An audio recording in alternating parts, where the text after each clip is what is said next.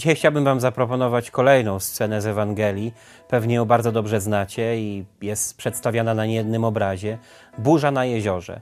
Pamiętamy, kiedy uczniowie jadą, płyną tą łódką po jeziorze. Kiedy przychodzi burza, Pan Jezus wtedy śpi, ale On czuwa. On jest bardzo blisko nich, a oni jednak wpadają w jakąś rozpacz, w jakiś głęboki lęk, nie wiedzą jak się zachować. I dopiero po pewnym czasie, kiedy budzą Jezusa, to On przychodzi i ucisza tą burzę, ucisza to jezioro. Przychodzi głęboki pokój. To jest y, to, czego powinniśmy się uczyć, kiedy chcemy rozwijać cnotę nadziei. Prosić Jezusa, powierzać Mu te sprawy, opowiadać o tym wszystkim, co się dzieje. W lęku, w naszych troskach, naszych kłopotach, naszych różnych zatroskaniach, często tak y, można powiedzieć, potrafimy zachować się nieracjonalnie i to dotyczy chyba każdego z nas. Sam kilka takich sytuacji w swoim życiu doświadczyłem, że zachowałem się zupełnie inaczej, niż by przewidywała tego, czy oczekiwała sytuacja, żeby to zrobić dojrzale.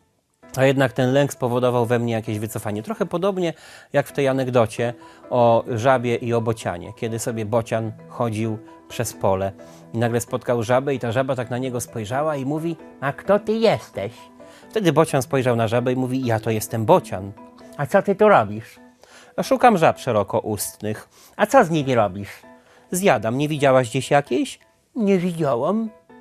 Potrafimy czasami zachować się zupełnie inaczej niż powinniśmy, chociaż tutaj ta żaba to się chroniła. Może chcemy coś chronić w swoim sercu, może także i w tych sytuacjach, kiedy przychodzi lęk, zobaczmy, na czym budujemy nasze życie, co jest dla nas rzeczywiście takie najważniejsze, co jest fundamentem naszego życia, albo co chcemy ochronić, a może powinniśmy to oddać Panu Bogu, żeby On nam pokazał wolność od tych rzeczy, które tak naprawdę szczęścia nie przynoszą.